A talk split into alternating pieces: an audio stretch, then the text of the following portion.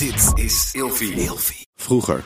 Meneer de Munnik, we bespreken deze week het onderwerp uitvindingen. En in deze aflevering hebben we altijd een verhaal in de categorie Wist je dat? We gaan het hebben over een Nederlandse uitvinding. De microscoop. De Nederlander Anthony van Leeuwenhoek, ja. Hij wordt beschouwd als de uitvinder van de microscoop en de grondlegger van de microbiologie. Hoezo beschouwd? Denk je dat het niet zo is? Ja, hij is het wel. Maar ja, over het algemeen... eh, het zou kunnen dat er misschien ergens op deze aardkloot nog iemand was die ermee bezig was. Maar hij is ermee bekend geworden en heeft er fioren mee gemaakt. En het staat in de boeken. Kijk. Ehm, met behulp van zelfgebouwde microscoopjes die ongeveer 500 keer konden vergroten, onderzocht Anthony allerlei biologische verschijnselen, zoals bloedlichaampjes, haarvaten en jawel, zaad. En dan vraag ik me altijd wel af, zou dat dan zijn eigen productie zijn? Zou hij zelf zo'n zo'n kwakje op dat glaasje hebben gemikt? En dan het van, toch? Kijk, ja, Ja, je kan wel Ja, stoer doen en zeggen het is niet van mij. Maar nee, ja. ik heb beter gewoon denk het eventjes... wel. eh, denk het wel, precies. Je- Vooral als je het een beetje fresh wil hebben. Ja, ja, een beetje nuttig besteden inderdaad. Een beetje Nou, bewegen. Deze Delftenaar geeft bijvoorbeeld als eerste beschrijving ehm, de bacterie op zijn eigen tanden.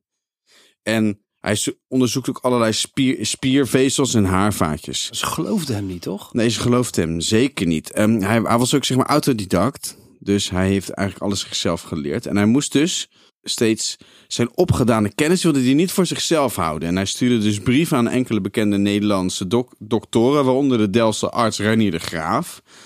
En die Reinier de Graaf die introduceerde hem bij de Royal Society in Londen. En zo kwam hij dus steeds een beetje hoger op in, in de hiërarchie van, ja, ehm, toch wel toonaangevende wetenschappers. Het is niet helemaal duidelijk hoe de vroegste mi- microscopen tot stand kwamen.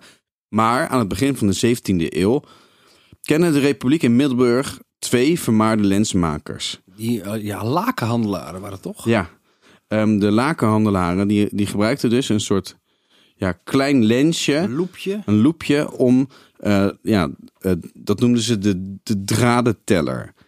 En vanuit die ehm, dradenteller is van Leeuwenhoek, zeg maar, zijn microscoop gaan ja, bouwen. Hij wilde de vezels zien. Ja, eigenlijk wel, ja. En eh, hij, hij pakte één samengestelde microscoop, die tot wel 30 keer kon vergroten. En hij bouwde dat om tot iets dat, dat tot, tot, tot 270 keer kon vergroten. Nou, uiteindelijk heeft dus dat microscopisch natuurwetenschappelijk onderzoek eh, geleid tot een, een baanbrekend boek. De Micrographia, or Some Physiological Descriptions of Miniature Bodies Made by Magnifying Glasses. Oftewel, eh, allemaal kleine dingen worden door een mi- microscoop gezien en beschreven, zoals de plantencel, een vliegenoog en een flow. Tot morgen. Vroeger.